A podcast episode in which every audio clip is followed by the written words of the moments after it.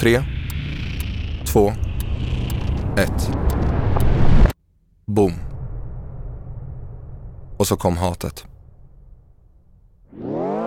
Hat och hot mot det unga civilsamhället är mer utbrett än vi tidigare trott. Det tystar unga engagerade och utgör ett verkligt hot mot fri organisering.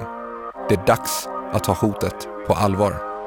Jag heter Azad Chiragwandi och med mig har jag Mona Neshman. Det här är Sluthatat från LSU, Sveriges ungdomsorganisationer.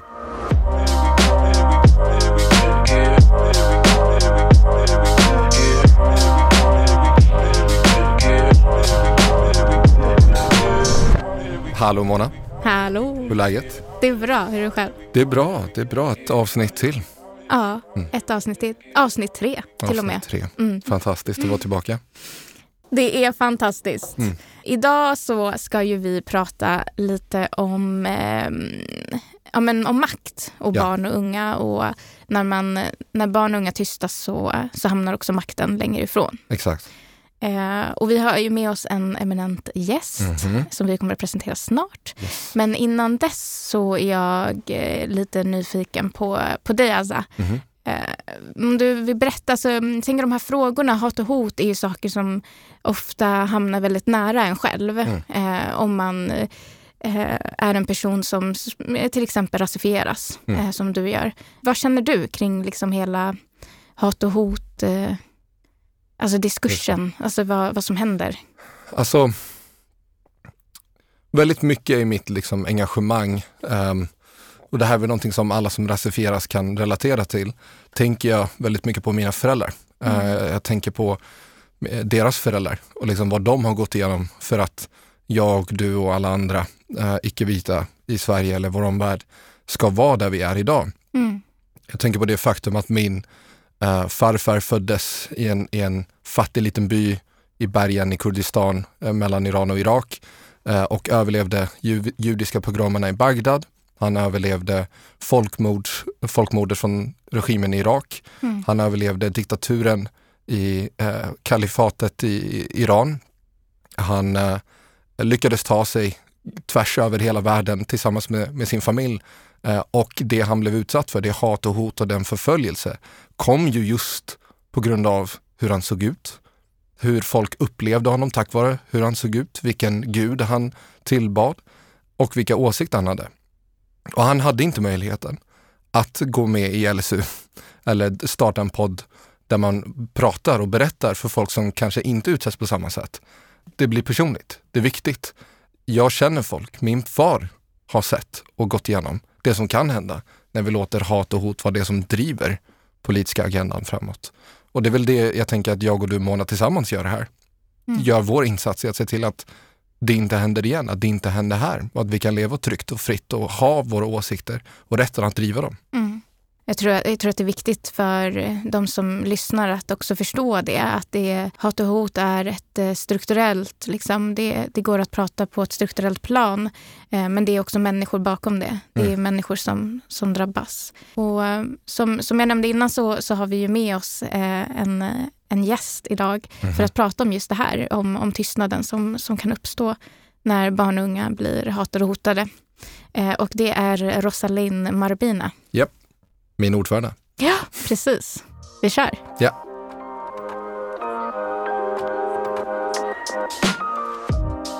Välkommen Rosalind. Du är ju LSUs ordförande. Vill du berätta lite om dig själv? Ja, tack så jättemycket för inbjudan att delta i ja, vår podd Sluthatat. Eh, mitt namn är Rosalind Marbina och jag är ordförande för LSU Sveriges ungdomsorganisationer. Eh, och ja, ja, det är det jag gör helt enkelt. Eh, ja, men idag ska vi prata om eh, tystnaden som uppstår när barn och unga sluter sig inåt eh, och konsekvenserna av det. Eh, och framförallt då kring att när barn och unga tystnar så hamnar ju också makten längre ifrån Mm. barn och ungas eh, röster. Mm. Eh, vad tänker du kring det? Mm. Det här ämnet tycker jag är så, så viktigt eh, och beskriver något så väldigt fruktansvärt som att den unga generationen tystas. Mm. Vi måste återgöra demokrati. Det ska varje ny generation göra, men vi tillåts inte göra det. För vi hatas på och eh, hotas till tystnad. Självcensur, engagemang eh, upphör, eh, det demokratiska utrymmet för oss krymper. Det förändrar vår syn på samhället, vår vilja till delaktighet, ehm, eh, vår självkänsla, allting. Och framför allt kommer det här hatet och hotet från vuxna Mm. mot barn och unga Mm. som vill bara skapa något bättre än det vi har. Ja, men för att om vi, om vi föreställer oss då en, en tyst ungdomsrörelse som inte syns och inte tar plats eh, och, och så. Vad, vad blir konsekvenserna? Ungdomsrörelsen står på demokratins frontlinje. Det är något jag brukar säga, för det är också sanningen. Mm. Vi ser det i Sverige, men också runt om i hela världen. I Belarus, i Myanmar, överallt. Om vi tystnar och vi står längst fram i civilsamhället så tystnar också ett granskande organ i vår demokrati. Den liberala demokratin försämras. Ehm, vi är röstbärare, vi är en folkrörelse som, som bär barn och ungas röster för att säkerställa att de har tillträde till sina rättigheter. När det inte finns, vem ska då göra det? Mm. Speciellt också om hat och hot kommer från, eh, från eh, andra statsmakter, exempelvis vårt parlament. Hur ska då barn och ungas rättigheter eh, tillgodoses och skyddas om inte vi är de som gör det? Det här är ju någonting som vi har pratat om i de tidigare avsnitten on and off hela tiden. Det, Mm. nämndes ju med eh, Zana Mohammed i första avsnittet, det nämndes ju med Anna Din i andra avsnittet med Hanna Kroksson och dylikt. Det här, just det här med att det finns en åldersmaktsordning Mm. som man glömmer bort. Det här är inte, för ofta när jag pratar med t- exempelvis jag skrev på Facebook kring någonting liknande och så fick, var det någon som skrev, vadå, så om jag hatar politiker, då, då dödar jag demokratin. Jag sa, nej, nej, det är inte det det handlar om.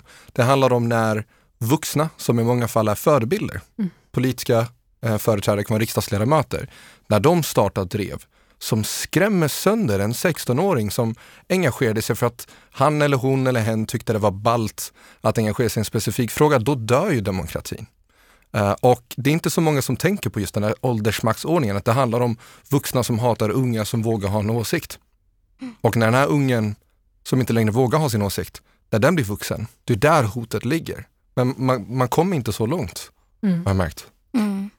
Mm. Jag tycker också det är så fruktansvärt hur barn och unga växer upp och tror att det är så det ska vara. Alltså ett status quo, att så här, det är bara jag som behöver tuffa till mig. Mm. Eller så här, jag, nej, det, jag passar inte i, i politik eller i, i folkrörelser eller i sammanhang där jag representerar eh, andra och mig själv. Mm. Utan så här, ja, men jag är inte tillräckligt tuff utan den här stormen, de här hat, alltså, hatbreven eller dödshoten, det är det man ska få när man är någon som representerar. Det krossar mitt hjärta. Ja. För så ska det inte vara. Nej. Vi har inte en annan referensram än den tid vi lever i.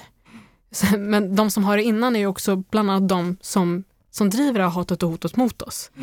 Och just det här, därför ser det så viktigt att vi i ungdomsrörelsen, LSU, har kapacitet till att berätta. D- Så här ska inte ni känna. Så här ska vi inte må. Det finns något fundamentalt fel i vårt samhälle om medborgare, människor i det, eh, inte får sin röst hörd. För vad är vi då? Mm. För vi såklart, vi kan ju rösta, det är den representativa demokratin, men vi har också mellanvalsdemokratin och det är vi. Mm. Att ansvarsutkräva politiker, att se till att, deras, deras, eh, att de håller sina löften. Men om inte vi kan göra det, Mm. då är det ju bara sken. Skendemokrati rakt igenom. Ja, och jag, jag har ju inför det här avsnittet eh, valt ut några, eller hämtat ut några citat ifrån den rapporten som LSU tog fram, Mm. eh, Vi sluter oss inåt. Och eh, tänkte att jag ska läsa ett nu och, och sen att vi kan reflektera lite kring, kring det. Ehm, men, men citatet säger så här. Vi väljer ibland att inte delta. Hellre att vi är en tystare organisation och finns där för våra medlemmar än att vi springer långt fram med facklan och att alla går under. Jag tänker på den här facklan. För mig, alltså så här, stå längst fram med den. Den facklan för mig behöver då symbolisera demokrati och, och, och den, den levande glöden som ska finnas i det. Och om man inte håller i den och ser till att den brinner, då, då slocknar den. Mm. Och som jag nämnde det tidigare, så här, vi är ju röstbärare. Mm. Folkrörelser är röstbärare, vilket innebär att vi bedriver påverkansarbete. Om inte vi kan göra det, vad har vi då kvar? Mm. Såklart, så här, gemenskap är en väldigt viktig del av civilsamhället också. Men just den delen att, att företräda sina medlemmar, att medlemmarnas eh, rättigheter, villkor och skydd tas tillvara på. Mm. Om inte vi kan göra det så, så är vi liksom inte, i min mening, ett, ett, ett starkt civilsamhälle. Vi är inte en stark ungdomsrörelse. Mm. Och då, för, för mig, när man pratar om liberala demokratier och checks and balances, så är inte det bara eh, offentlig sektorns olika checks and balances med eh, konstitutionsutskottet eller, eller eh, rättsväsendet, eller, eh, utan också runt omkring Mm. media som ett exempel, men också civilsamhället har varit det, det är det som byggt upp vårt, vårt Sverige. Mm. Det är vi som är checks and balances. Om det urholkas så urholkar också kvaliteten i vår demokrati. Och ungdomsrörelsen, vi står längst fram. Mm. Vi står på frontlinjen.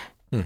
Och vi ser det runt om i världen, det första och här. Det första man gör för att inskränka på allas lika värde är att attackera civilsamhället. Demokratibärare, människorättsaktivister och fler.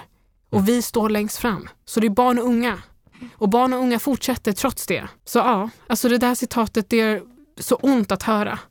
Att de inte kan vara det som de vill vara. Och försöker, men jag, vill inte, jag menar inte att bestraffa eh, våra kära medlemsorganisationer.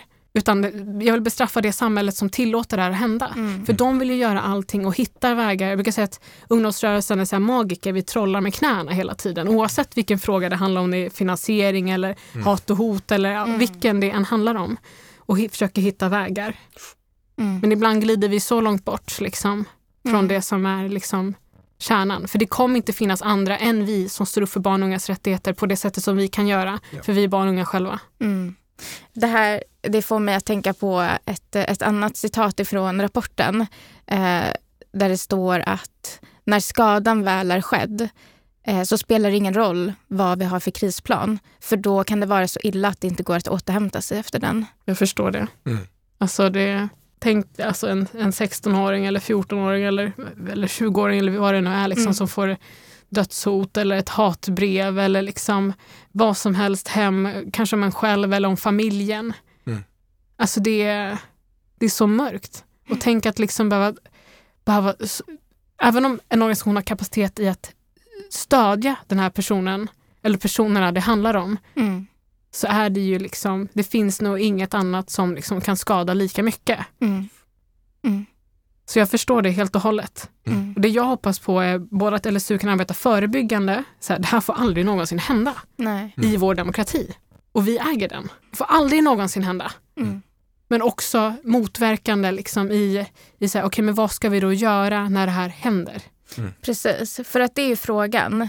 Vem är det som bär ansvar för det här? Vem bär ansvar för att barn och unga hatas och hotas till den graden att de väljer att tystas eller väljer att eh, hantera det bara själva? Att det liksom hamnar någonstans på att man som person ska kunna palla hat och hot.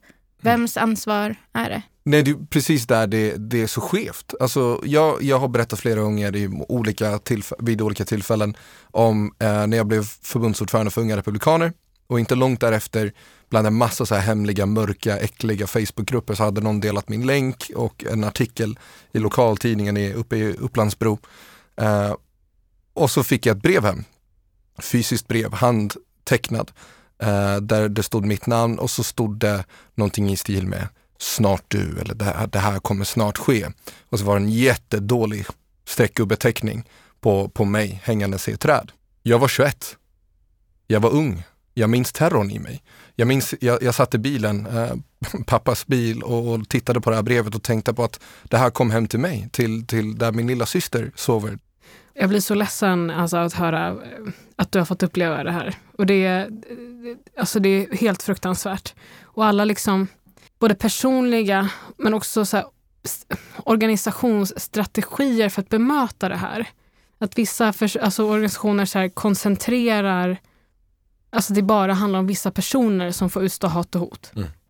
Istället för att det ska bli ett, ett, ett brett problem liksom, som många får, får känna. Mm. Eller, att, alltså, och, och, eller de här personliga strategierna som du har som gjort att du har fortsatt med ditt helt ovärderliga engagemang.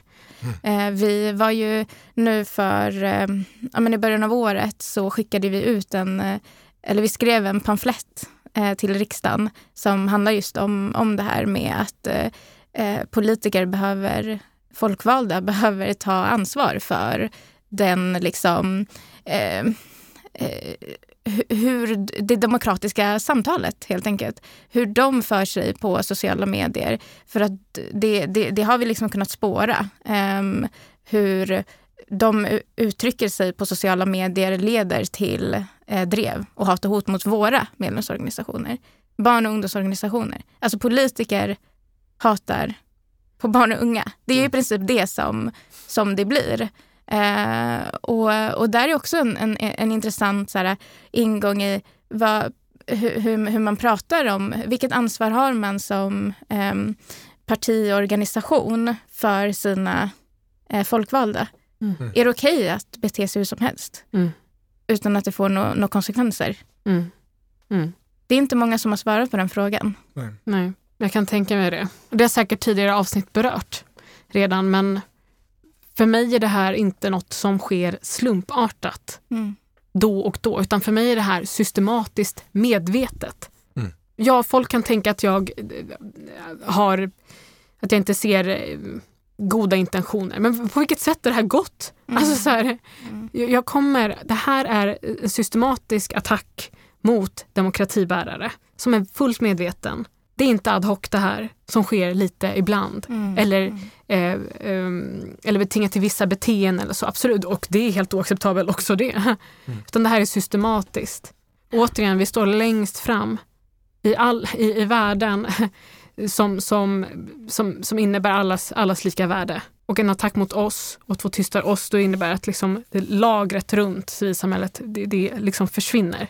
Och det får aldrig hända. Och det här är just det här krympande demokratiska utrymme. Samtidigt som vi ska stå emot det här så skapar barn och ungdomsorganisationer varje dag på, genom att medlemsvärva, genom liksom styrelsemöten, genom eh, att skapa olika evenemang, genom allting som är ungdomsrörelsen, genom tidningar, podcaster, you, know, mm. you name it. Liksom, träffa politiker, se till att bara nu i, idag såg jag en, en, en framgång där några av våra medlemsorganisationer hade fått igenom en åtgärd för att stärka eh, elever. Jag blir så stolt över att se det här. Så här det är att få det demokratiska utrymmet att växa. Mm. Så samtidigt som vi försöker liksom hålla emot så ska vi också liksom eh, offensivt liksom få demokratin att växa. Mm. Så det är, eh, samtidigt ser vi att eh, ungas eh, psykiska ohälsa ökar, mm.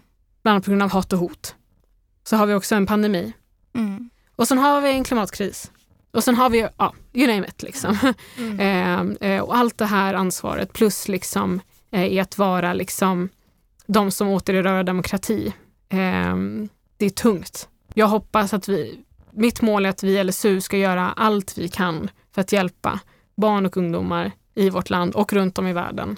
Mm. Att kunna skapa det här vackra som vi kallar för demokrati. Men det är inte gratis, Nej. utan det måste vi arbeta för. Men vi tillåts inte göra det.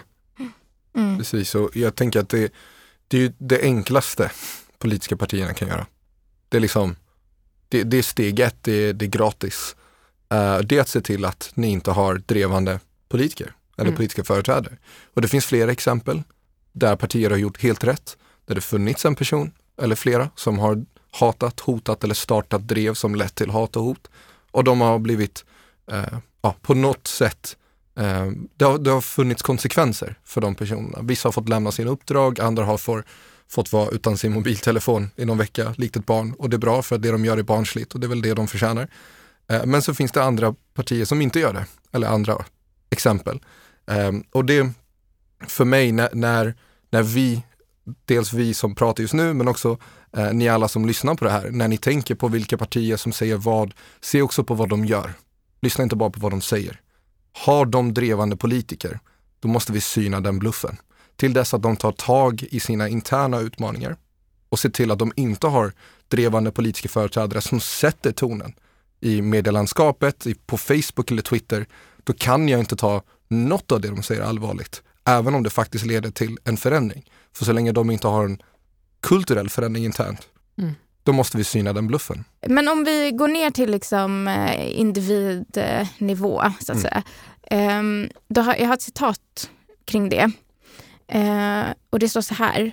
När jag kandiderade till en ordförandepost så funderade jag på om det verkligen var värt det. För jag förstod att jag nog skulle bli utsatt för väldigt mycket hat och hot. Mm. Och här tänker jag att innan man ens har blivit utsatt för hat och hot så finns det en känsla av hat och hot. Mm. Och det är lite sådär äh, läskigt på något sätt att personer som inte har blivit utsatta än förutsätter att de kommer att bli det och därför stoppar sitt engagemang. Mm. Mm. Alltså är det inte bara de som blir utsatta som blir tystade, Mm. utan fler. Exakt, ja. Och som det formulerades, eh, är det värt det? Är det värt att få hat och hot? Mm. alltså att någon behöver ställa sig den frågan. Mm. Är så fruktansvärt tycker jag. Och det här, jag tänker, det är lite det jag nämnde innan kring att vi har liksom inget annat att jämföra med. Alltså det här har varit vårt liv tills nu. Hur det har varit innan, hur det demokratiska samtalet har varit, vi vet inte det.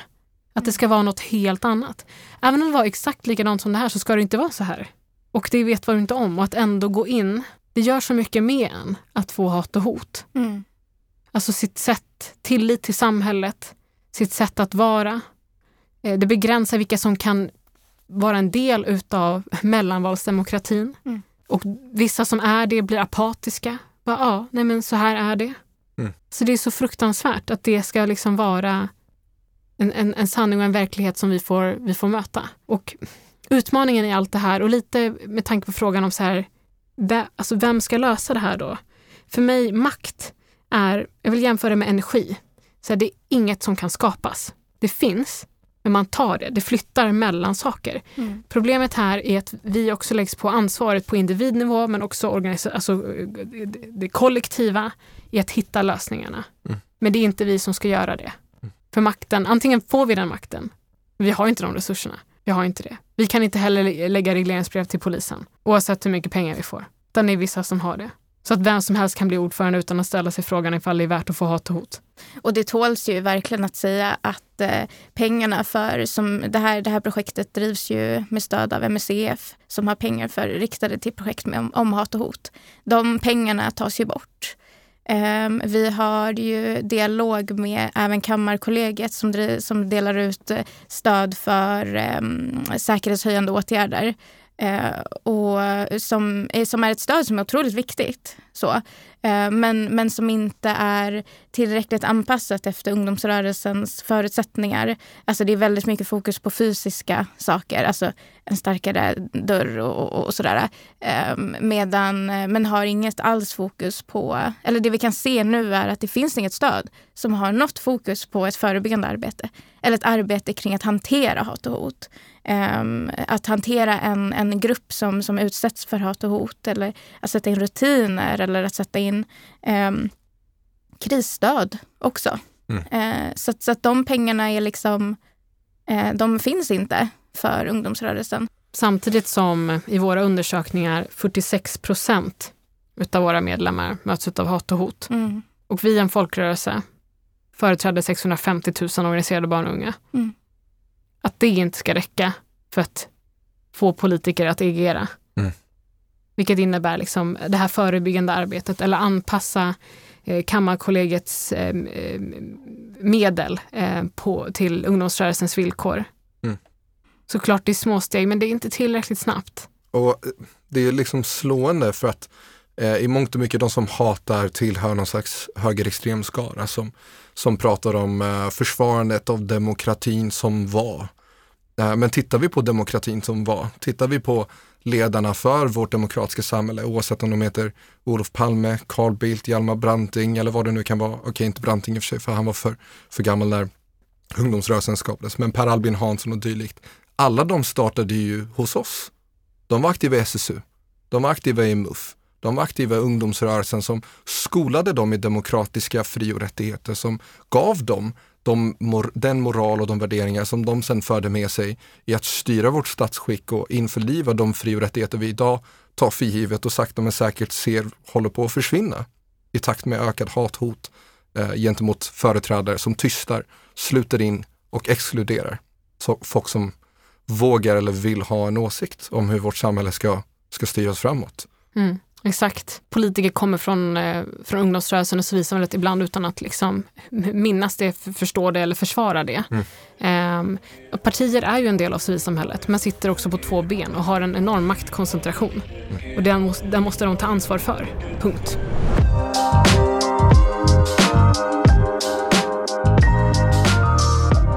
Har lyssnat på Sluthatat från LSU, Sveriges ungdomsorganisationer. En podd om hat och hot mot unga organiserade.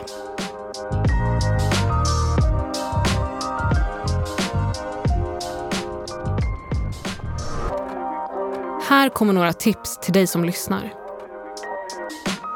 Det första tipset är att prata med varandra. Ingen ska behöva vänja sig vid hat och hot och ingen som är utsatt ska behöva känna sig ensam. Att hantera hat och hot själv kan vara väldigt påfrestande. Så prata med varandra. Genom att berätta för andra om vad man själv upplever och genom att berätta att man sett vad den andra är utsatt för kan man tillsammans minska känslan av ensamhet och motverka att hat och hot normaliseras. Det andra tipset är att dela på ansvaret. Många gånger är det en och samma person, ofta ordförande eller generalsekreterare, som hanterar organisationens sociala mediekonton, kollar kommentarer, raderar och rapporterar olämpligheter. Det kan vara betungande för en person att känna sig ensamt ansvarig för att hålla koll och skydda andra från att se näthatet. Försök därför dela på ansvaret, särskilt i perioder när organisationen är eller riskerar att bli särskilt utsatt. Om ni delar på bördan blir den förhoppningsvis också enklare att bära. Det kan också motverka ensamheten om ni är två eller fler som ser vad som händer. Det tredje tipset är att stötta den utsatta. Om ni märker att någon i organisationen är utsatt för hat, hot eller trakasserier är det viktigt att hen får känna att organisationen finns där som stöd. Fråga hur personen mår, om ni kan hjälpa till med något. Alla reagerar olika på utsatthet och många har berättat att de gärna inte delar med sig av sin upplevelse för andra medlemmar för att inte skrämma upp dem. Så fråga hellre en gång för mycket. Och som sagt, ingen ska behöva bära utsattheten själv. Det kan också vara bra att försöka avlasta den utsatta. Kanske kan någon i organisationen kolla igenom den utsattas kommentarsfält på sociala medier. Och det fjärde tipset är att polisanmäla. Det finns en stor skillnad mellan hur många som uppger att de utsätts för hot och hur många som polisanmäler. Och det finns många anledningar till det. Det kan vara jobbigt att gå igenom en polisanmälningsprocess när man just utsatts för hot eller hat. Det tar även mycket tid och många upplever att det sällan leder till något. Men för att vi effektivt ska kunna motverka hat och hot måste vi ha en klar bild av omfattningen, vilka som utsätts och vad de utsätts för. Så polisanmäl.